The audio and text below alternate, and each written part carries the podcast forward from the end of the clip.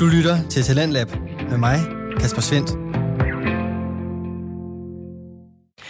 Et stort og dejligt velkommen til dig, der er tunet ind på programmet, der udvikler og præsenterer Danske Fritidspodcast, hvor du som altid får afsnit, der stikker i forskellige retninger, leveret af alle typer, alle aldre og ikke mindst alle mulige stemmer. I aften der kommer de første fra verden med det års og hendes gæst Karoline, som fortæller om at leve med kroniske sygdomme og det perspektiv, det giver i en episode af fucking kronisk. det, at jeg døjer med den slags problemer, jeg døjer med, gør jo, at jeg faktisk øh, sorterer en masse små problemer fra, som for andre mennesker kan være helt reelle problemer, og det anerkender jeg, men jeg har ikke særlig mange normale problemer, Nej. jeg forholder mig til. Efter den inspirerende, men også lidt hårde samtale, så skal du høre om finurlig forskning, når videnskabeligt udfordredes Mark Lyng og Flemming Nielsen ser på videnskab, der har påvirket nogle af de største krige i det forrige århundrede, som altid med en lidt skæv vinkel. Så Flemming, for første gang nogensinde i videnskabeligt udfordret historie og i spækbrættets historie, så er løsningen på jeres problemer. Bare spis masser af salt. Nej, åh, Med jod. åh ja. Tak, Spis Mark. noget salt. Kom så, mere salt. Vi begynder som sagt aften med et inspirerende og vigtigt afsnit. Det kommer fra Portræt-podcasten Fucking Kronisk, hvor Mette Års Jacobsen inviterer en række danskere ind til at fortælle omkring deres udfordringer med kroniske sygdomme, og hvad et liv med dem har givet af værktøjer til at imødekomme resten af livets forhindringer. I aftenens afsnit er det multikronikeren Karoline, som er på besøg, både for at fortælle omkring sin kamp og sine erfaringer med hendes kroniske sygdomme, men de to unge kvinder kommer også ind på en vigtig snak omkring organdonation, omkring det bevidste og det passive valg. Både Karolines historie, livssyn og holdning til det emne gjorde, at jeg selv måtte revurdere mit eget sådan syn på livets op- og nedture samt donation. Om du får samme oplevelse, kan jeg selvfølgelig ikke love, men det kan du finde ud af lige her, hvor du får aftens første fritidspodcast. Dagens gæst er Karoline. Karoline har intet mindre end fem kroniske diagnoser, som blandt andet betyder, at hun står over for at skulle have fjernet tyktarmen og gennemgå en levertransplantation. I dagens episode fortæller hun om at forblive optimistisk i en hverdag, hvor sygdomme og hospitalsbesøg i perioder kræver størstedelen af hendes opmærksomhed. Fucking kronisk. Velkommen til, Karoline, og tak fordi du var gæst i podcasten i dag. Selv tak. Øhm, jeg har jo lige præsenteret dig, og jeg har præsenteret dig øh, med en sætning, der hedder intet mindre end fem kroniske diagnoser. Og øh, jeg har helt bevidst undgået at ramse dem op, fordi jeg ved, at jeg laver kluder i det, og jeg kan ikke udtale dem rigtigt. Nej. Så vil du lige være venlig at tage os igennem dem. Ja, jeg kan godt lige løbe ned ad listen. ja, men hvis jeg sådan lige skal løbe dem over, så har jeg en medfødt hjertefejl og er opereret i hjertet.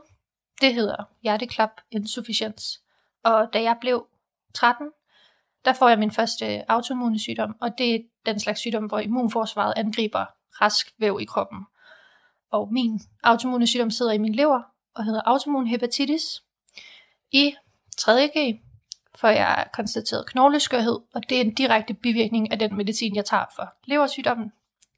Og i marts 2020 får jeg konstateret en ny autoimmun sygdom, der hedder colitis ulcerosa, som sidder i tyktarmen.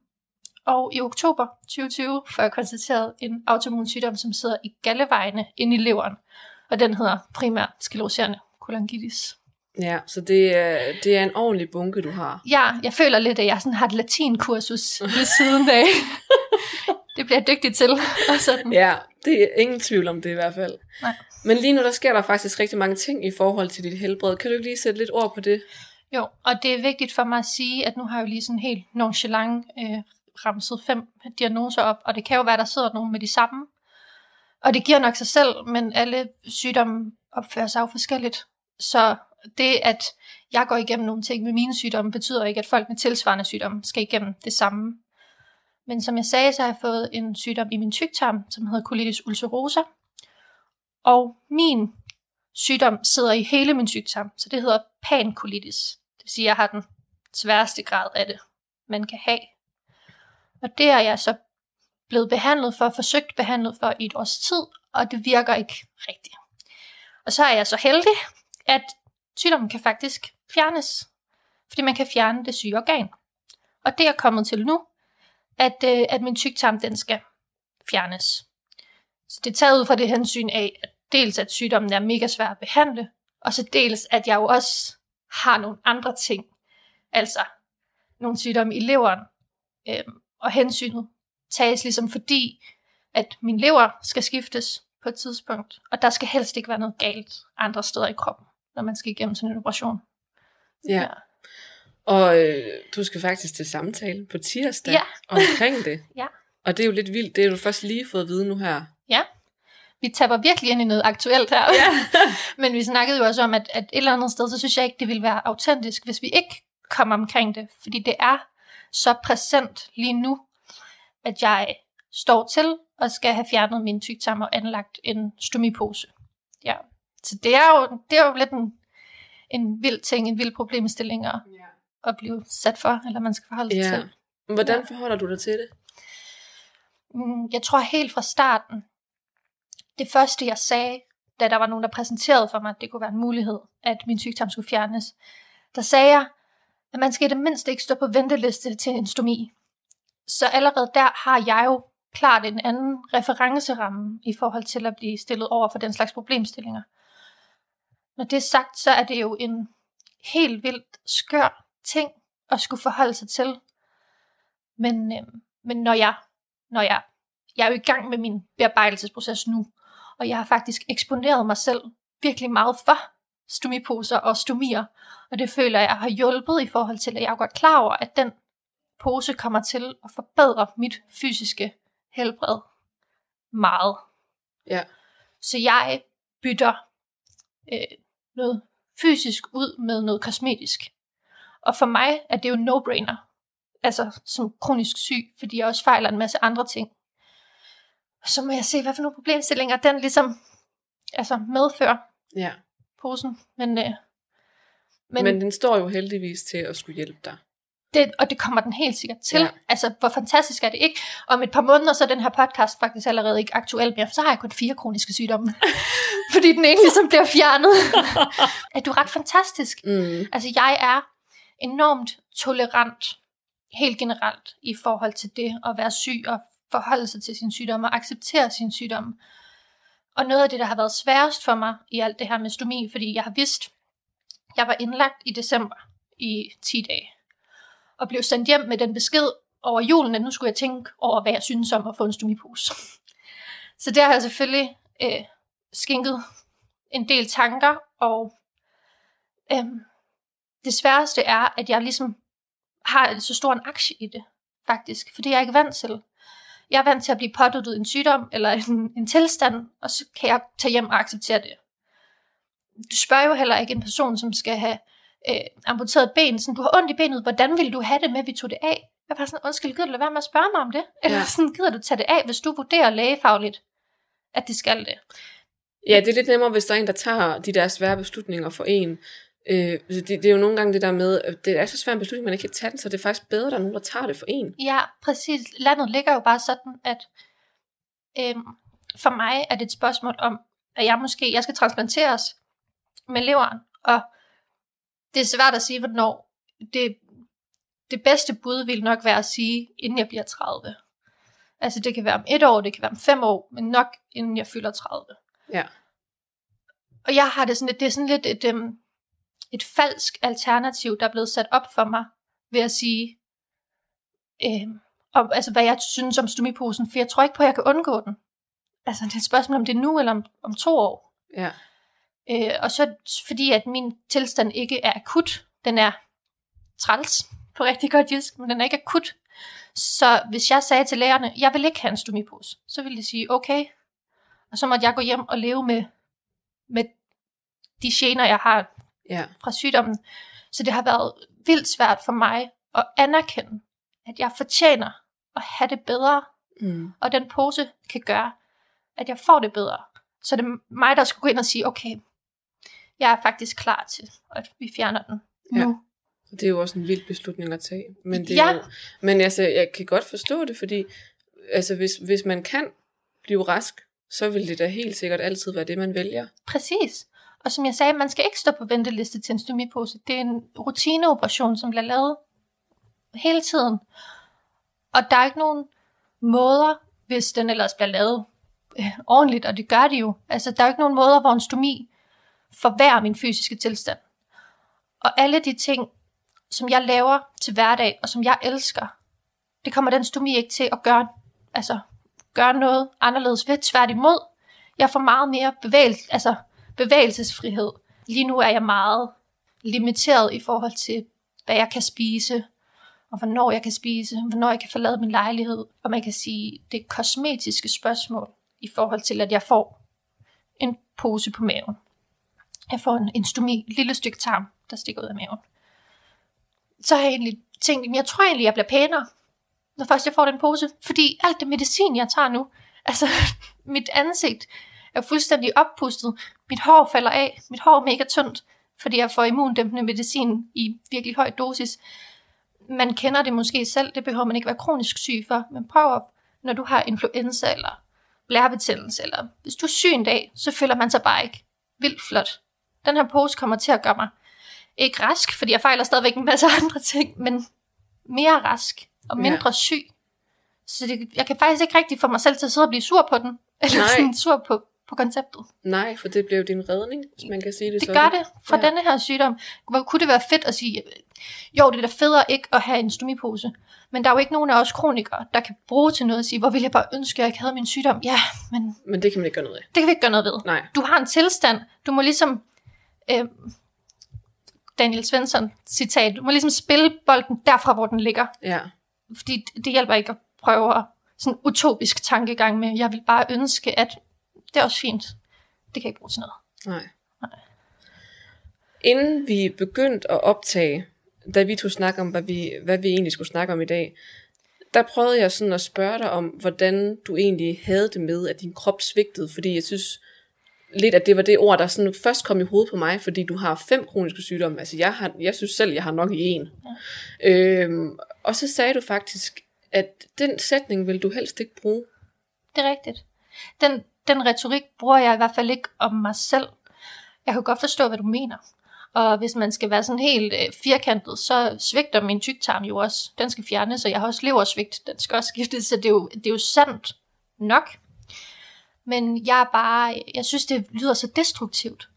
Og øh, jeg har også hørt øh, retorikken brugt, at min, min krop øh, forråder mig. Har jeg hørt nogen sige også, hvor jeg sådan, det vil jeg slet ikke kunne arbejde med. Altså sådan, min krop er en enhed, og vi arbejder sammen mod at være her. Altså min krop har jo ikke svigtet. Jeg sidder her jo nu.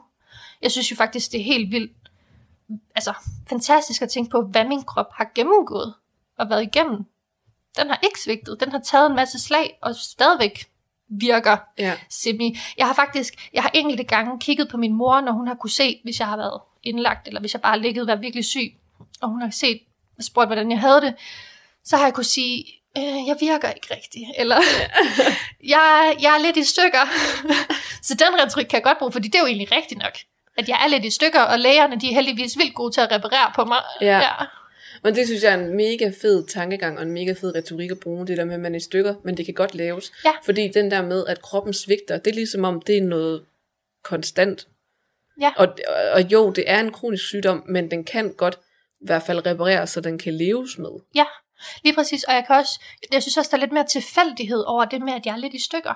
Mm. Altså, fordi hvis kroppen svigter, så er det som om, at nogen har gjort det mod dig, eller din krop har gjort det mod dig, eller din krop er, er imod dig. Og, og for mig, der er det bare virkelig vigtigt, at jeg, jeg er jo enormt stolt af min krop, og glad for min krop, og virkelig sjældent sur på min krop, og det kan jo lyde underligt, når den faktisk ikke rigtig virker. Ja, Så jeg har flere vitale organer, der virker ikke sådan helt, som de skal. ja, Men jeg bliver bare altså, taknemmelig hver gang, at de ligesom... For de, de virker jo godt nok. ikke lige helt ligesom andres, men godt nok til mig Ja. ja. stadigvæk. godt nok til, at du lever. Præcis, altså, jeg er hvis her man jo. sådan helt skal skære det ud i pap, faktisk. Ja, præcis. Med et lille glimt i året, så kalder du dig selv for stabil, ustabil.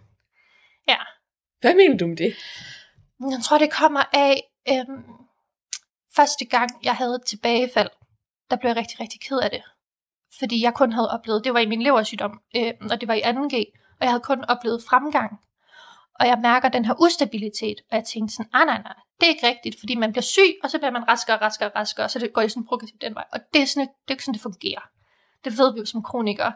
Altså sådan, vi skal have tilbagefald, og vi skal have opblussen, og, og det skal man ligesom forholde sig til, og det havde jeg enormt svært ved øhm, at forholde mig til. Og når folk de spurgte, hvordan, hvordan det gik, så begyndte jeg at svare dem, jeg er stabil, ustabil. Fordi, hvad skal jeg sige til dem? Altså, det går, det går, det er det samme som at sige, det går op og ned. Ja. Altså, så det er meget min måde sådan at forholde mig til, at skabe nogle rammer, hvor mine sygdomme, de må, de må gerne være sådan lidt ustabile. Ja. Det er okay, fordi jeg, jeg forventer det faktisk. Jeg ved ikke, hvornår det sker, men jeg forventer. Ja, du, Ustabilitet. ble- du er blevet så gavet. Præcis, altså jeg, jeg, jeg er jo faktisk, jeg betegner også mig selv som, at øhm, jeg er god til at være syg. Ja. Altså, Ja, det synes jeg, det, det er sådan en fed sætning, fordi den har jeg ikke selv tænkt på. Og, der, og dengang du sagde det til mig, der tænkte jeg sådan lidt, det er jeg sgu da egentlig også. Ja. Fordi nu har, jeg, altså nu har jeg levet med det her i 23 år, så jeg kan nogle ting, og jeg er da sådan rimelig... Altså for eksempel nogen, der slet ikke kan få taget en blodprøve. Altså Ja. det er jo hverdagskost, det er, det er da det mindste. præcis. Og, og jeg går enormt meget op i, hvordan jeg formidler min situation til andre faktisk. For jeg vil ikke være en omvandrende tragedie. Og jeg tog mig selv i at tænke den anden dag. Skør tanke. Du kan måske også tænke det samme, hvor jeg tænkte, hvis en af mine, jeg har to søstre. Hvis en af mine søstre skulle fortælle til en af deres venner, hvad deres søster fejlede, så tænkte jeg, hold da op, der må, jeg- må godt nok lyde syg Ja, ja, når andre fortæller om mig, fordi, fordi der er ikke, jeg, jeg står ikke der bagved og smiler og kan fortælle det på sådan en lidt sådan sjovere måde, eller de kan se, at jeg er i live, eller jeg Ja. faktisk, jeg tænker sådan, hold op, hvor må jeg lyde syg. ja, Altså, hvor må nogle af mine øh, bekendtes bekendte tænke, hende der, du snakker om, oh, ja, hun lyder godt nok syg.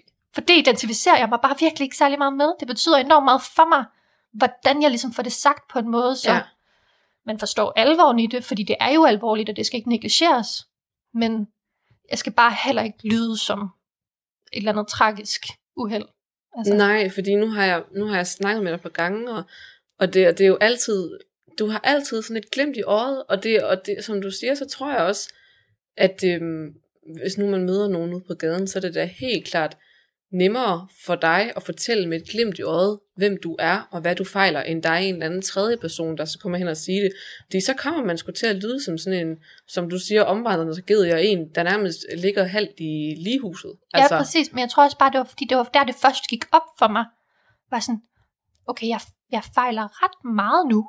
ja, det er jo også fordi, det er, nogle, nogle af tingene er jo lidt nyere for mig med, med tarmen og sådan noget. For eksempel har jeg kun været syg med et år. Og jeg sådan, okay, jeg skal have stomipose, og jeg skal have skiftet lever. Det lyder godt nok lidt voldsomt, når man bare sådan siger det. Ja, Hva? Eller lige sådan. præcis. Ja, Men man har jo, nu har du jo levet med det, og jeg har levet med det i lang tid nu. Ja. Så man, man har det sådan lidt, det er jo hverdag for en. Ja. Eller sådan, men man kan da godt se, når, hvis man, man hører det udefra, at det lyder helt vanvittigt. præcis. Det er ikke ligesom de, det er ikke dagligdags problemer. Nej, lige Nej. præcis. Som sagt, så sagde jeg lige, så sagde jeg helt starten af, om du ikke synes, at det var helt sindssygt svært at få kastet den ene diagnose i hovedet efter den anden. Fordi jeg, som sagt, så synes jeg egentlig, jeg har nok i en. Jeg må indrømme, at jeg i sjov tænkte øh, i marts, jeg fik min diagnose, colitis ulcerosa, den dag Mette Frederiksen lukkede landet ned, for Ja. sådan at være. Men jeg må indrømme, at jeg tænkte sådan, åh, jeg skulle have nyt tiden med tre diagnoser lidt mere. Altså, jeg synes også, jeg havde det hårdt, da jeg kun havde tre. Ej, hvorfor nød jeg det ikke lidt mere? Fordi der havde jeg fået en fjerde. Øhm, så jo, det, det er svært. Øhm, på den anden side, så tror jeg mere, for mig er det mere en formalitet nu. Altså, Ja. kald dem, hvad, de vil, altså, hvad du vil, og så er der en mere sej latinsk betegnelse i min journal. Og, ah, men det er sådan, det er jo ikke fordi, jeg vil sige det er ligegyldigt, for det er det ikke. Men som jeg lige sagde, så er jeg enormt god til at være syg. Øh, og jeg tror, øh, at du og jeg, vi har fået lidt forspring ved at være født syge. Fordi i virkeligheden, så ændrede min situation sig ikke sådan helt vildt radikalt fra 4. til 5. sygdom. Øhm, det var bare en diagnose mere på et stykke papir, for den sidder også i min lever, og jeg kommer ikke til at kunne mærke, altså det er det samme medicin, jeg skal tage Ja. for den. Den er lidt mere alvorlig, end den, der var der i forvejen, men der bliver jo holdt øje med det. Jeg tror, ja. det er sværere at gå fra rask til kroniker, Ja. end det er at gå fra kroniker til multikroniker. Ja. altså, det er klart, hvis jeg, jeg synes, det ville være rigtig ærgerligt at få noget med øjnene, for eksempel, for de fejler ikke noget lige nu, eller sådan, Ja. jeg, det vil være, det vil være træls at, at skulle døje med noget, som jeg ikke døjer med i forvejen, men jeg har jo redskaberne til at håndtere det. Jeg tror, sådan ret forsimplet sagt, så er det måske lidt ligesom, at hvis du har spillet badminton, siden du var barn, så er du givetvis ret god til at spille badminton, når du er i din start 20'ere. Og jeg har altså været syg, siden jeg var barn. Så er jeg faktisk professionel nu. Professionel kroniker. Ja, da jeg var lille, så ville jeg faktisk gerne være professionel i noget, fordi jeg synes, det lød sejt. Måske ikke lige det her, jeg havde drømt om, men jeg tager det med. Det er helt fint. Hvis jeg kan få et, et visitkort eller et badge med det, så er jeg glad. Du snakker meget om det der med, at du ikke vil være en omvandrende tragedie. Ja. Og det synes jeg også er en, en sætning, som man i hvert fald ikke hører så tit. Ja. Jeg tror, øhm, og jeg ved egentlig ikke rigtigt, hvor det kommer fra, fordi det er ikke, fordi jeg selv har mødt en masse omrendende tragedier. Øhm, men min sygdom er, om jeg vil det eller ej, ret definerende for min hverdag. Og nogle gange mere end andre. Men jeg har dem med hver dag. Og jeg tror, jeg har ikke lyst til at være hende den syge i sådan en dårlig sammenhæng. Fordi jeg er hende den syge. Altså jeg sagde det til en af mine venner på et tidspunkt, jeg har ikke lyst til at være den syge. Og så sagde han, men, men du er jo det, men du er også så meget andet. Mm. Øhm, så jeg går rigtig meget op i, hvordan jeg præsenterer mig selv, og det er ikke fordi, at jeg prøver at være heroisk, eller øh, larger than life, eller gøre mere, end jeg faktisk kan. Fordi den måde, jeg præsenterer mig selv på, er autentisk. Men fordi jeg vælger at være så ærlig, som jeg er, omkring min sygdom, og præsentere mig selv med dem, altså jeg drikker jo heller ikke alkohol, og det er rigtig ofte i den sammenhæng, at jeg kommer til at skulle sige, jamen jeg har nogle problemer med leveren, Ja. og, og folk kan spørge ind til dem, hvis de vil, men, men, Men jeg, ellers, så, altså når, for eksempel hvis du møder, møder nye mennesker, er det så, øh, ikke fordi det er det første, du siger, men er det noget, du sådan kommer ind på i sådan det første møde? Det er det faktisk tit. Øhm, og det er ikke altid øh, bevidst. Jeg snakker meget. så, så nogle gange så kommer samtalen sådan helt naturligt over på det. Men det er jo også bare et, et bevis på, hvor naturlig min sygdom er for mig. Og der er jeg jo ikke altid lige bevidst om, hvor unaturlig min sygdom er for den, der sidder over for mig. Nej. Øhm, men det er også et svært hensyn for mig at tage, om dem på den anden side af bordet ligesom kan øh, forstå det. Eller sådan. Men jeg tror på, at på den måde, jeg siger det, og sådan hele mit, mit væsen omkring det, at folk godt kan se, at det ikke er noget, jeg har ikke lyst til, at der er nogen, der skal gå hjem og have ondt i maven over, hvor syg jeg er, eller jeg har sagt, at jeg er syg, fordi jeg søger virkelig ikke folks medlidenhed. Altså, hvis jeg søger noget, så skulle det være anerkendelse og respekt Ja. for, for det, jeg ligesom går igennem, og min valg om, hvordan jeg håndterer det. Men jeg har ikke lyst til, at nogen skal have ondt af mig. Jeg har heller ikke lyst til, at, at alle samtaler skal dreje sig om det, men jeg må også bare erkende, at det er jo sådan her, jeg har meget af min livserfaring fra. Ja, man kan sige, det er det, du... Øhm, altså, det, ikke fordi det er det, din dag går med, vel, men det fylder meget i hverdagen. Ja, og jeg har jo lært enormt meget af, af at være syg. Du lytter til Talentlab med mig, Kasper Svendt. Du er skruet ind på programmet Talent Lab, hvor jeg i aften kan præsentere dig for to afsnit fra Danske Fritidspodcasts. Her som det første er det fra Verden med det års Jacobsen, som har besøg af multikronikeren Karoline i et afsnit af portrætpodcasten Fucking Kronisk. Det afsnit byder på vigtige erfaringer, inspirerende livssyn og en opfordring til dig om at tage et bevidst valg. Den episode får du resten af lige her. det, at jeg døjer med den slags problemer, jeg døjer med, gør jo, at jeg faktisk øh, sorterer en masse små problemer fra, som for andre mennesker kan være helt reelle problemer. Og det anerkender jeg, men jeg har ikke særlig mange normale problemer, Nej. jeg forholder mig til til daglig, og det kan være rigtig, rigtig fint for mine venner faktisk, og for mit perspektiv, det er jo ikke fordi, at når der er nogen, der kommer og siger kæreste, altså de har kæresteproblemer, jeg siger, nå, jamen, i det mindste skal du ikke have ny lever. Det er jeg skulle lige, jeg skulle lige til at spørge sådan, om du så måske, altså om du sådan tænker, nogle gange når dine venner, om du sådan tænker, ej, det er da et fesen problem i forhold til det, jeg sidder med. Det gør jeg ikke. Jeg anerkender deres problemer, men, men jeg tror, at de kan Jeg tror, det kan hjælpe alene det, at jeg sidder og siger, det kan jeg simpelthen ikke se problemet i.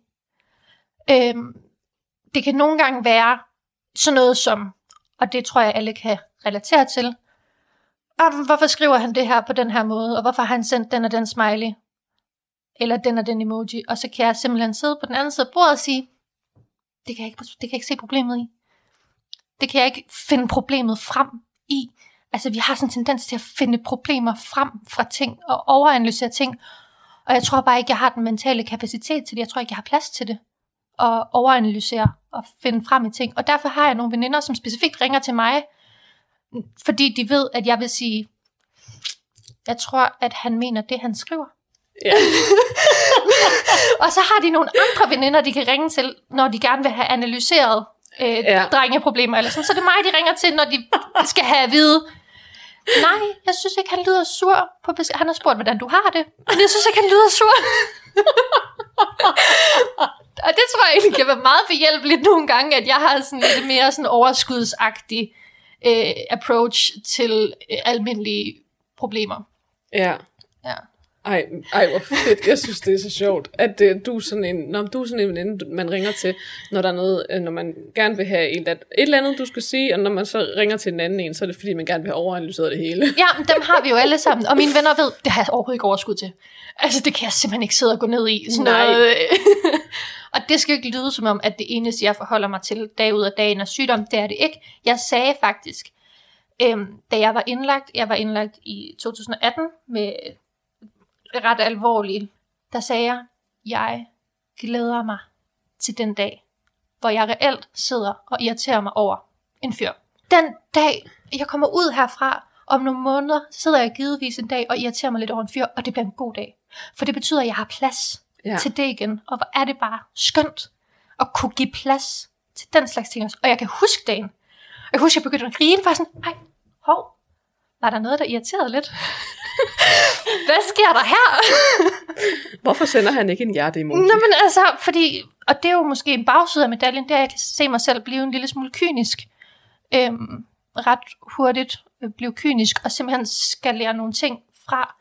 Men, men jeg tror bare, det er en overlevelsesmekanisme. Altså, min krop gør det helt naturligt, fordi jeg ikke har plads til Ja. det hele. Jeg kan, ikke, jeg, jeg kan ikke klare det hele på én gang. Ja, altså den siger ligesom stop. Ja, og det er egentlig ret fantastisk, at den kan det. Ja. Altså skalere i problemerne. Så jeg ligesom fokuserer på, Fokuser på det vigtige på det, du skal, fordi der ligesom er ret mange ting, som du ligesom skal forholde dig til. Ja, men jeg kan jo ikke forholde mig til det hele på én gang. Da jeg gik i gymnasiet, fik jeg et rigtig, rigtig godt råd af en, som faktisk havde den samme sygdom som mig, leversygdom, og han havde aldrig sagt det til nogen.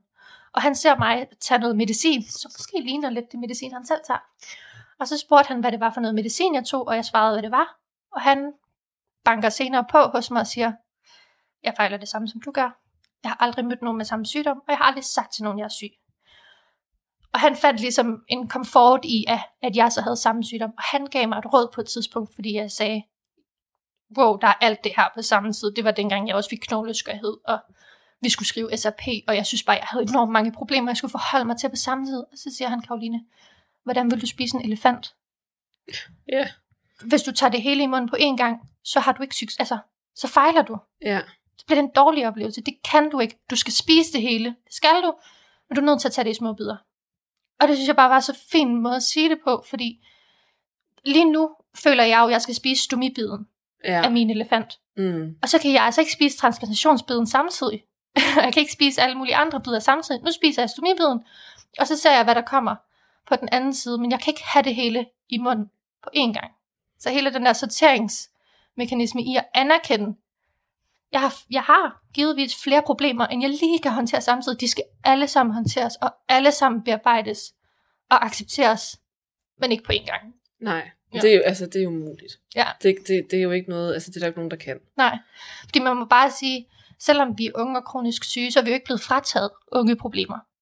Nej, og det er, jo, det er jo det, jeg synes, der er så vanvittigt, eller sådan, og også en af grundene til, at jeg egentlig har lavet den her podcast, det der med, det er egentlig vanvittigt svært at være ung i forvejen, men så når man lige får klasket en kronisk sygdom, eller flere i dit tilfælde, oven i hatten, Ja, så føler, øh, så bliver det sgu, så, Så- bliver der godt nok et endnu større bump på vejen. ja. Endnu større elefant på tallerkenen. Ja, fordi jeg synes, ja. ja, lige præcis, for jeg synes jo, øh, gymnasiet og, og den unge, altså ikke fordi jeg ikke stadig er ung, for det er jeg, men den tid, for, specielt i gymnasiet, var jo sindssygt svær, fordi der var karakterræs, der var fester, der var venner, der var, Seksualitet. ja, der Ja. var kørekort, der ja. var øh, studenterrunde, og der var, jamen, der var det hele. Ja, Og så oven i det, så skulle du også lige forholde dig til, du skal huske at tage din medicin, og det skal være på det her klokkeslæt, og du skal huske til kontrol den 25. Og den 23. skal du ind og scannes, og den 22. skal du ind og tage blodprøver, for det hele det passer sammen. ja. Ja, det er rigtigt. Det er, det er jo egentlig fantastisk, at, at vi har kunnet jonglere med det. Ikke? ja, Ja. nogle gange, så man tænker tilbage på det, tænker man, hvad fanden lavede jeg egentlig? Men jeg tror, jeg tror, at dele af det helt sikkert afhænger af vores krops sådan evne til at sortere. Og jeg har også snakket med en masse andre øh, unge kronikere, som vi kender jo alle sammen til den her pytknap. Altså, der er jo en masse ting, som for raske mennesker givetvis kunne være et problem eller en irritation. Og det kommer ikke engang ind i vores sådan øh, indre, snævre felt af ting, Nej. der kunne være det, fordi de er allerede i pytbunken. Lige Vi præcis. registrerer dem ikke. Vi bliver jo virkelig gode til, fordi vi har den referenceramme, vi har, og, og sortere. Altså, der skal enormt meget til, for at jeg kalder en dag en dårlig dag. Fordi en dårlig dag, det er en dag, hvor man næsten får leversvigt dag. Ja, så, så, så en dårlig dag er ikke en dag, hvor man glemmer at tage opvasken, eller hvor man kommer lidt for sent. Eller, det er ikke en dårlig dag. Det kan være en middeldag, men der skal bare virkelig, virkelig, virkelig meget til, ja, for at en, en dag i min bog bliver en dårlig bliver dag. en dårlig dag. Ja, Og kategoriseret som det. ja. ja. Man får ligesom lidt en højere tærskel på Ja, en eller anden måde. Præcis, det gør Altså, man jo. Du øhm, har fortalt, og jeg har, jeg har ikke engang spurgt ind til den, før vi startede, fordi jeg tænkte, det, det her det er et punkt på dagsordenen, jeg glæder mig meget til at høre. Ja. Du har lavet noget, der hedder bonusreglen. Jeg er nødt til at høre, hvad det er. Ja. Og jeg tror, at det, jeg tror, den kan være gavnlig for alle, men min bonusregel øhm, kom sig af, at jeg jo som syg har nogle dage i sengen. Du har nogle dage, hvor du ikke kan noget overhovedet. Vi kan sammenligne det med en tømmermændsdag, for at gøre det lidt mere i sådan øjenhøjde, så alle kan være med. Du har ja. Tømmermænd. Du har virkelig Tømmermænd. sådan en dag. Du kan ikke noget, du kommer ikke til at udrette noget. Det ved min familie. Hvis jeg siger, at jeg har en bonusdag, så er det sådan en dag. Fordi jeg tror, mange kan genkende, hvis vi tager tømmermændsdags eksemplet, at man kan blive lidt sur på sig selv i slutningen af dagen. Ej, hvor er jeg klam, og jeg har ikke været i bad, og jeg har spist junk food, fordi jeg ikke orkede at lave mad, og jeg skulle også have støvsud, og det fik jeg ikke gjort, og jeg har ikke ryddet op, og alle de her ting, som bare er så negative, fordi man fik ikke udrettet noget. Som kroniker, så har vi de dage, hvor vi ikke får udrettet noget, og det er helt okay. Det er bonusdage. Du kan ikke gå i minus på bonusdag. Du må ikke tælle alle de dårlige ting på bonusdag, for du kan ikke gå i minus. Du starter i 0, og du kan ikke gå i minus. Alt er bonus. Og, og et helt konkret eksempel fra en af mine egen bonusdage, der, der var jeg sådan til slut på dagen og snakkede med min mor i telefonen, og hun spørger, hvordan jeg har haft det, og jeg var sådan, i dag har været en bonusdag. Så, så snakker vi lidt om, hvad jeg har fået udrettet, så hvad det er, hvad er bonus. Jeg har fået sat min elektriske tandbørste til opladning, og jeg har drukket saftevand af et vinglas. Det var det, jeg ligesom kunne pinpointe, og ja. det var godt nok, for jeg kunne ikke gå i minus. Nej, det var de to point, der gav plus på kontoen. Alt var bonus. Altså sådan, når man så siger det, altså jeg har virkelig ikke fået udrettet noget den dag, vel? Altså jeg har ligget i sengen, jeg har været sengeliggende, for det er vi nogle gange som syge, men det er okay at have bonusdage, og de er der også, og de skal ikke trækkes ud af kalenderen, eller altså de skal anerkendes og accepteres, og krammes nærmest, altså værnes om, og det er det, jeg ligesom gør med sådan bonusreglen, og det er sådan, at min, flere af mine veninder har taget det til sig og begynder at sige, alt er bonus. nu, altså sådan, det, du forventer, du forventer ikke noget, du kan ikke gå i minus, alt er bonus. Det synes jeg er en fantastisk regel. Ja. Og den vil jeg da 100% tage til mig. Og jeg synes, det er mega fedt, at dine veninder har taget det til sig.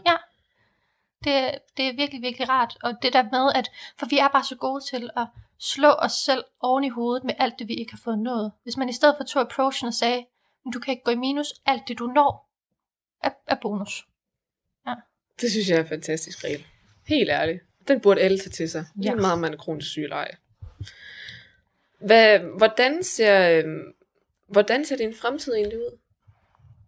Øhm, altså jeg er jo sådan set så heldig, at jeg godt kan tillade mig, eller hvad man kan sige, at drømme, eller sådan at, og tænke på min fremtid. Jeg ved, at jeg skal bestige det her lille bjerg med stomi, og så ved jeg, at der er en transplantation på et tidspunkt. Men på den anden side af det, så ser jeg jo egentlig kun fremgang for mig selv.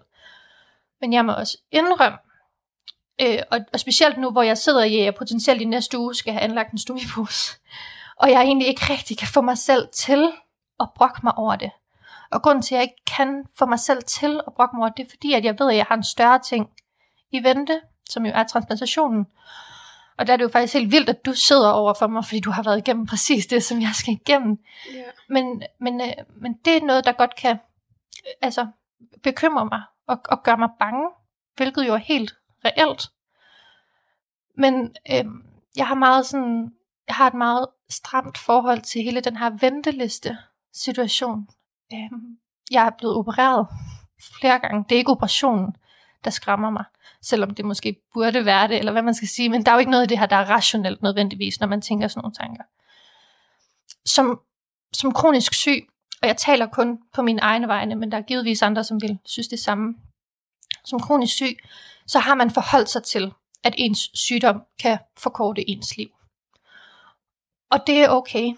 Altså, jeg har det okay med, hvis min sygdom forkorter mit liv. Men jeg vil ikke dø på venteliste. Altså, det er kun okay for mig den dag, hvor 100% har registreret deres holdning til organdonation. Så er det okay. Så kunne der ikke være blevet gjort mere. Men jeg synes simpelthen, at det er så unfair, hvis man overhovedet kan bruge sådan et ord for alle de danskere, som sidder passivt på den venteliste, når så få har registreret deres holdning til organdonation. Altså jeg, jeg ved ved mig selv, at jeg får det så svært, når jeg selv er i, på listen. Øh, altså der kommer sådan en lille, jeg kan mærke, der er sådan en lille aktivist inde i mig, Ja. som sådan hopper og slår på trommer, og jeg ved ikke, altså for jeg har bare lyst til at råbe det ud. Det burde være en folkepligt, at man har registreret sin holdning til organdonation. Min prædike går sådan set ikke ud på, at folk skal registrere sig som donorer, selvom jeg synes, det er en rigtig god idé. Min prædike går ud på, at folk skal registrere sig for eller imod. Det er din egen krop. Du bestemmer selv. Det synes jeg var mega vigtigt sagt, fordi det er jo... Altså det er jo også, det, det, nu har jeg jo stået på ventelisten, og jeg var der så heldigvis ikke i særlig længe, men jeg har jo talt med flere, der har været der i længe, og i min tid, øh, da jeg var indlagt efter transplantationen, øh, så jeg jo desværre også, at der var øh, en, som jeg snakkede med, som faktisk døde på ventelisten. Og der, og der kan jeg godt mærke, at der kom det rigtig tæt på. Og det er sjovt, fordi man skulle tro, det kom rigtig tæt på, da jeg selv kom på ventelisten, men, men jeg synes bare, det føltes så uvirkeligt, dengang jeg selv kom på ventelisten. Men det der med, at jeg sad den ene dag og snakkede med en mand, og, det, og nogle, nogle uger efter øh, var han så død, fordi der ikke var kommet et organ i tide, synes jeg, det kom endnu tættere på. Ja. Øhm, og der var, det, det var vildt. Ja, og jeg kan jo sådan set godt forstå, øhm, at, at raske mennesker ikke forholder sig til det over middagsbordet derhjemme, for det er da ikke en særlig rar ting at forholde sig til. Men der må jeg bare sige, ud af respekt for de mennesker, som det her berører, og det er ikke kun mig, det er også mine søstre, det er også mine forældre, som forældre til en person med organsvigt, det er alle dem rundt omkring, ud af respekt for dem, så synes jeg bare, at vi skylder, at man, man tager stilling til, hvordan man forholder sig til organdonation, for at jeg kan have det okay med den risici, der er forbundet med at være på venteliste. Så skulle 100% have registreret deres holdning, og det er måske lidt utopisk at tænke, at det kommer til at ske, inden jeg er på liste, men jeg kunne da håbe, at der var lidt mere tilslutning. Ja, for man kan sige, at man vil jo helst gerne gøre alt for, at man kan blive rask. Men den her, den er jo ude af egne hænder. Ja, men det er den. Men på den anden side, så er det også en enormt konkret måde at kunne gøre noget. Altså, jeg har jo tit snakket med mine forældre om, hvor svært de synes, det er, at de har et sygt barn, og de kan faktisk ikke rigtig gøre noget. Altså her er, vi vil jo alle sammen gerne hjælpe folk, går ud fra. Hvis man har et hjælpegivning, så ligger en på fortoget og har slået sig, så er det da øh, instinktet, at man går over og hjælper. Her kan vi faktisk hjælpe. Alle mennesker har chancen for at hjælpe folk med organsvigt ved at registrere deres holdning til organdonation. Ja, og man kan også sige, at det hjælper jo også ens pårørende, eller dens pårørende, hvis man lige pludselig står i den forfærdelige situation, at så er det ikke ens pårørende, der skal tage stilling, men det, det er ligesom taget for dem. For igen, som vi, som vi snakkede om før, det er nemmere, der bliver taget en beslutning for dig, end du selv skal tage sådan et stort valg på andres vegne, i hvert fald her. Ja, præcis. Og jeg tror, der er mange, der ikke er bekendt med, øhm, hvordan det egentlig ser ud, når man går ind og skal registrere sin holdning. For der er en knap, der hedder ved ikke. Ja, Altså selv det kan jeg have mere respekt for, end dem, som går rundt og ikke har registreret deres holdning. Jeg har faktisk joket lidt med, at nu hvor det er så tæt på mig, så bliver man ikke lukket ind i min lejlighed, medmindre man har registreret sin holdning. Så må man gøre det ud i døråbningen. ja, Altså, og jeg, vil, jeg har fin respekt for folk, der går ind og takker nej. Du skal overhovedet ikke retfærdiggøre over for mig, hvorfor du trækker nej, for det er din krop, og det, det er dit valg. mm, Men vær sød. Ikke at være passiv. Altså ja. være en del af de passive procenter, som gør det enormt svært for mig at skal acceptere, at jeg skal på venteliste. Øhm, det er virkelig en, en problemstilling, jeg forholder mig til at frygter den dag. Men ja, det var for fordi... du ved jo, den er ude i fremtiden, og det, og det er fremtiden, der ligesom er skræmmende på den måde, ikke? Ja, det, det skræmmer mig, fordi jeg føler mig egentlig enormt tryg ved at være syg i Danmark, i det sundhedssystem, der er, og lægerne passer enormt godt på mig, og er gode til at reparere mig, som jeg siger. Men, men det her er bare ud af mine hænder, og jeg vil bare have det så svært ved at skulle være så sårbar i så passiv en, en position, hvor jeg ikke kan gøre noget, og hvor jeg egentlig synes, at der kan gøres noget helt konkret. Altså, det der med at være øhm, det er et aktivt øh, fravalg i stedet for et aktivt tilvalg, det synes jeg naturligvis er en enormt god idé. Men udover det, så forstår jeg ikke, altså regeringen har da vores allesammens e-boks, sender spam-mails ud. og men sådan lige en uge inden man bliver 16, hej, tillykke med at du snart bliver 16, det kunne være en enormt god idé, hvis du lige tænkte over, hvordan du forholdt dig i forhold til organdonation. Sådan noget som det. Ja, men jeg havde også tænkt, altså jeg har også tidligere tænkt om på ens 18-års fødselsdag, eller, Ja. eller til når man tager kørekort, på det førstehjælpskursus, der er til kørekort. Ja, det synes jeg kunne det var da en vildt god idé. Vildt relevant. Ja, lige præcis, at der er sådan nogle helt, altså, epo, altså steder i livet, hvor man bliver eksponeret for, hov, det kunne være en enorm god idé, at gøre det som sådan en helt rutine ting. Altså nu her med corona, har vi da alle sammen set, hvor flot hele, altså regeringen kan sende ud til hele Danmarks befolkning. De kunne lige have sat en fodnote, synes jeg personligt, hvor de skrev, hov, kunne du ikke lige Ja, kunne du ikke lige gå ind på sundhed.dk? kunne du ikke lige, og i forhold til, altså jeg har jo også fået mine bedsteforældre til at, at registrere deres holdninger, der sagde min bedstefar, jo, man kan slet ikke bruge noget for sådan en gammel mand som mig, siger bedstefar, er du i live, og trækker du vejret, og har du et nem idé, og har du ikke registreret dig, så er du en del af de passive procenter, som gør det utrygt at være på venteliste. Så er jeg sådan set ligeglad med, hvad du tror, der kan bruges eller ej. Jeg er selv registreret. Man vil ikke røre mine organer med en ildtang og give dem Nej. til andre. Altså det er da kun fordi, jeg ikke, det er jo sådan rent, øhm, hvad kan man sige, det, det er kun fordi, jeg ikke vil være en del af de passive procenter, selvom det jo i princippet er ligegyldigt, for mine organer kan ikke bruges til noget.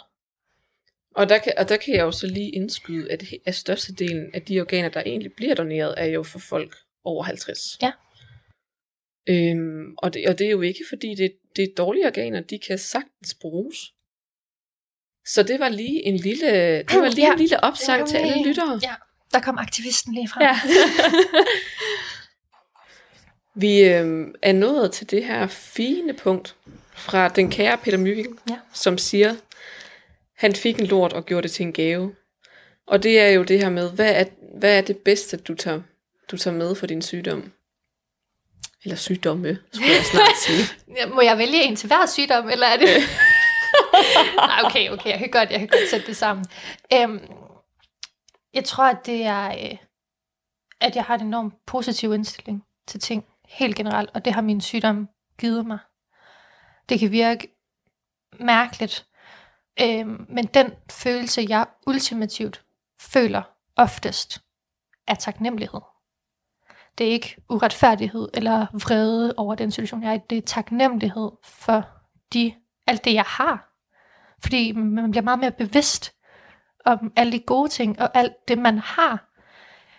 Jeg tror, jeg tror faktisk på, at der er nogle lyspunkter. Dem kan man kun se det øjeblik, hvor det er sådan virkelig, virkelig mørkt. Altså, så bliver der bare nogle ting, der kommer til syne, og det har givet min familie en enormt stor øh, sådan pytknap og reference i forhold til, når man har stået i nogle virkelig, virkelig alvorlige situationer, så bliver man bare meget mere bevidst om, hvor fed en helt almindelig mandag derhjemme kan være. altså, så, så det er det helt sikkert, det har givet mig. Ja. Ja. Og det kan jeg jo også mærke på dig, fordi nu jeg kender jeg dig lidt, og jeg kan virkelig mærke på dig, at du er sindssygt positiv. Og, og det er sjovt, for det er jo det, jeg møder tit, når jeg er ude og snakke med folk, af at folk bliver sindssygt positive og taknemmelige for den kedelige mandag. Ja, Ja. præcis. Og jeg er jo, øh, jeg føler jo, at jeg er enormt heldig, hvis der skal være... Jeg møder tit meget familie, fordi min familie kan jo huske mig fra da jeg var spæd og hjertesyg, som jeg ikke selv kan huske. Og der mødte jeg tit den der med, åh, hvor er det uretfærdigt, at det skal ramme dig, og du har da taget din tørn. Og, mm. Fordi så får en diagnose med, at du har da taget din portion, som om, at der er et eller andet uddelingssystem et eller andet sted, der giver sådan proportionelt sygdom rundt omkring. Det er ikke sådan, det fungerer. Øhm, men der må jeg sige, hvis der er nogen som helst retfærdighed til i verden, så er det, at jeg har fået øhm, den mentale sundhed, som jeg har. Altså det der retfærdigt, hvis man skal bruge det ord, at hvis du skal havles ned af fysiske sygdomme, at du så har et mentalt helbred til ligesom at balancere det op. Øhm, min største bekymring kunne da være, hvis jeg skulle fejle et eller andet mentalt på et tidspunkt, fordi det er simpelthen det, der holder mig oppe. Jeg jokede med nogle af mine veninder, der læser til læge og sygeplejersker, om at jeg snart er fuld pensum. Men det er jeg ikke, fordi jeg har, fordi jeg har ikke nogen neurologiske problemer. Der er ikke noget op i hovedet, det må de snakke med nogle andre om. Men sådan semi-fuld pensum. Du, øh, du kan være prøvekanin for dem. ja. Men i hvert fald, tusind tak, Karoline, fordi du vil dele din historie. Selv tak. Du lytter til Radio 4. Og tilbage her i studiet i Aarhus, så står jeg med en stor lyst til at give Karoline en high five, eller i hvert fald en stor anerkendelse for hendes gå på mod og inspirerende livssyn. Jeg ved ikke med dig, men jeg blev helt glad af at høre den her episode fra podcasten Fucking Kronisk, fordi det lykkedes verden med det års Jacobsen og gæsten Karoline at få snakket omkring det hårde emne, som kroniske sygdomme jo kan være, på en fantastisk levende måde, der talte mere ind i håbet og glæden ved de ting, vi selv kan styre, frem for nederlaget i at være hårdt ramt. Hvis du som jeg har lyst til at høre flere episoder fra Fucking Kronisk, så kan du finde dem inde på diverse podcast-platforme. Og husk, at fucking i dette tilfælde staves med Å og R. Og på det sociale medie Instagram, der skal du derfor bruge dobbeltdag for at finde frem til podcasten her. Og både på de sociale medier og på din foretrukne podcast-platform, der kan du også finde aftens fritidspodcast nummer 2. Den hedder Videnskabeligt Udfordret, og den består af Mark Lyng og Flemming Nielsen. De dykker i aftenens afsnit endnu en gang ned i finurlig forskning og vilde historier fra videnskabens verden. Aftenens afsnit byder på en interessant opdagelse omkring vores intelligens, og hvordan netop intelligens har været centrum for det amerikanske militær igennem mange krige. Hør første del af aftenens afsnit lige her. Jeg er ikke egnet Flemming. Og jeg er Strumagens konge, Mark Lyng. At hvad for ens konge? Strumagens konge. Hvad er det? En stroma. Flemming, har, har du nogensinde øh, set øhm, ældre mennesker? De kan godt have sådan en gevækst på deres hals. Oh, Sådan en klump, der vokser ud. der, var, der er jo klumper over alt på ældre mennesker. Jamen her, der, er det, det er ligesom om, de har sådan et, det er som om, de har et halsterklæde på af hudfolder. det, kan man, det, kan, det kan man risikere at få, øh, hvis man har jodmangel. Og det hedder simpelthen stroma, Hvad? hvis man har jodmangel. Oh, det, okay, fint. Det, jeg, jeg tænker, det har noget at gøre med det, du skal tale om i dag, Mark. Det har det nemlig. det har det nemlig. om, om gamle, gamle menneskeklumper. Ja. Skal vi høre, skal vi høre om videnskaben bag øh, kalkunpluder? Jamen altså, okay, så afsnittet i dag skal handle om, hvorfor man ikke kan komme med i herren.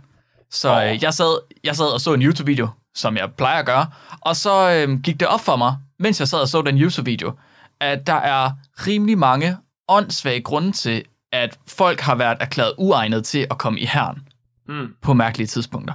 Og det, for nogle lande er det rimelig væsentligt, at øh, der er soldater, de ligesom kan komme i herren. Men nogle gange, så har de her soldater bare mærkelige ting, mærkværdige sygdomme, der gør, at de simpelthen ikke er gode nok til at skyde med en riffel.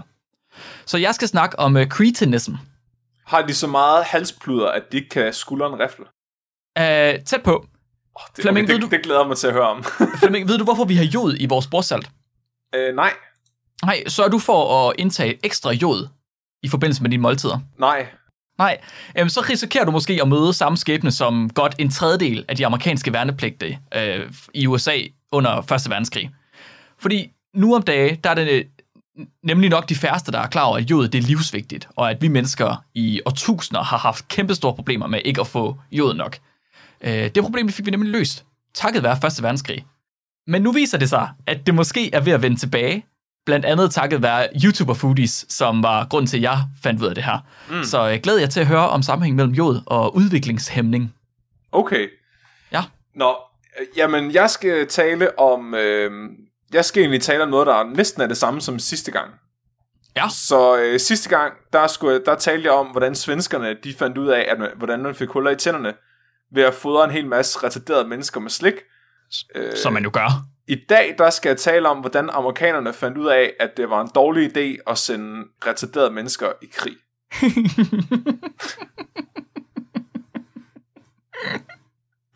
Og jeg må godt sige retarderet, fordi det er det term, der bliver brugt i den videnskabelige paper, så det er ikke, det, er det ikke, er prøv at- godt. det er ikke min mening. Jeg formidler bare, hvad der står i de Det er hellige rigtig tekster. vigtigt. Det er rigtig vigtigt lige at sige, at det er videnskabeligt.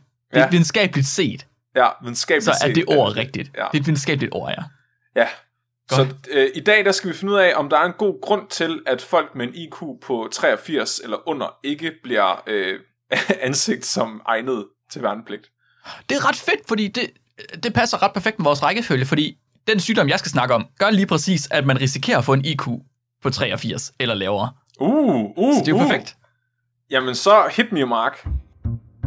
Den 28. juni 1914, der var den østriske, skråstreg ungarske ærkehertug Frans Ferdinand og hans kone Sofie på besøg i Bosniens hovedstad Sarajevo. Og så blev de skudt på klodshold af en 19-årig bosnisk-serbisk nationalist, der hed Gavrio. Det var verden åbenbart ikke så tilfreds med. Så den går i krig med sig selv og med hinanden, og så den første verdenskrig, man nogensinde har haft, den bliver simpelthen startet. Fordi at der var en bosnier, der ikke kunne lide en østrig. Det er også fair nok. Ja, så, så skal resten af verden også gå i krig med sig selv og hinanden. Så det Ja. gør de. Sådan en verdenskrig for mig, den er lidt ligesom en pandemi. Den spreder sig ud over det hele. Den eneste forskel er bare, at folk de skyder hinanden, i stedet for at trække mundbind ned i netto og så hoste på hinanden. så øh, jada, jada, jada, jada, og lidt historisk krigsførsel. Og tre år senere, så får Amerikas forenede stater den formidable idé, at de skal da i krig mod Tyskerlandet. Nu er det deres tur for satan. Ja. Det er en god idé afsted med Amerikas forenede stater ned til Tyskerlandet. De havde brug for noget demokrati i deres liv. Der er sgu noget demokrati til Tyskerlandet. Det skulle der da. Der er bare et lille problem. For at føre krig, og specielt for at føre verdenskrig, så skal man bruge nogle soldater. Og da Amerikas forenede stater, de skal finde soldater, så oplever de, at der er nogle områder, hvor antallet af mænd, der er fedt for fight, det er åbenbart er pænt lavt. De har simpelthen ikke nok mænd, der kan værves i de områder. Specifikt i øh, det område, der hedder Goiterbæltet, i den nordlige del af Amerikas forenede stater. Jeg tænkt mig at sige, der er hele, hele afsnittet. Amerikas forenede stater. Ja. Der viser det sig, at godt og vel en tredjedel af de værnepligtige, de har cretinism. Flemming, kan du prøve at komme med de bedste bud på, hvad en cretin er? Det er halspluder. Halspluder. Så øh, en struma er halspluder. Nå, En cretin, det er en bestemt diagnose. Det er også et amerikansk eller et engelsk skældsord. Jeg har ikke hørt om det før. er det, nej, er det pluder? Er det Nej, bare ikke pluder helt. generelt? Så, så nu om dagen, der bliver øh, det engelske ord cretin, det bliver hovedsageligt tænkt som et skældsord. Man bruger det til at beskrive en idiot eller i- noget lignende, altså en person, der ikke har for meget mellem ørerne. Mhm. Men cretinism, det er en rigtig diagnose, og cretin er et rigtigt medicinsk udtryk. Det er ligesom øh, ordet retarderet, Nå, bare på en ældre udgave. Der, de fucking, skal vi ikke bare bruge det resten af dagen, så slipper vi for at komme i problemer ved at sige uh, retarderet.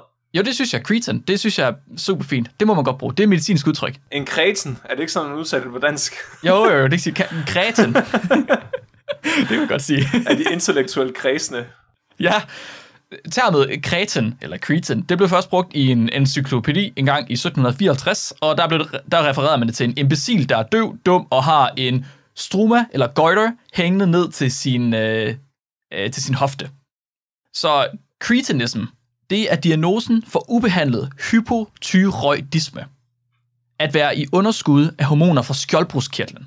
Og den producerer hovedsageligt to hormoner. De bliver kendt som T3 og T4. Og øh, de hormoner, de er rimelig væsentlige. De er rimelig vigtige. Dem skal man have. Så hvis man er underskud af dem, så er det ikke så godt. Så hormonerne de fungerer ved, at de regulerer de gener, der bliver udtrykt i vores hjerne. Og de styrer hovedsageligt de gener, der sørger for, at vores hjerne den bliver udviklet optimalt. Og også øh, dem, der sørger for, at vores voksne metabolisme fungerer, som den skal. Mm-hmm. Radio 4 taler med Danmark. Og du får den resterende del af aftenens episode fra Videnskabeligt Udfordret efter dagens sidste nyheder, der kommer her.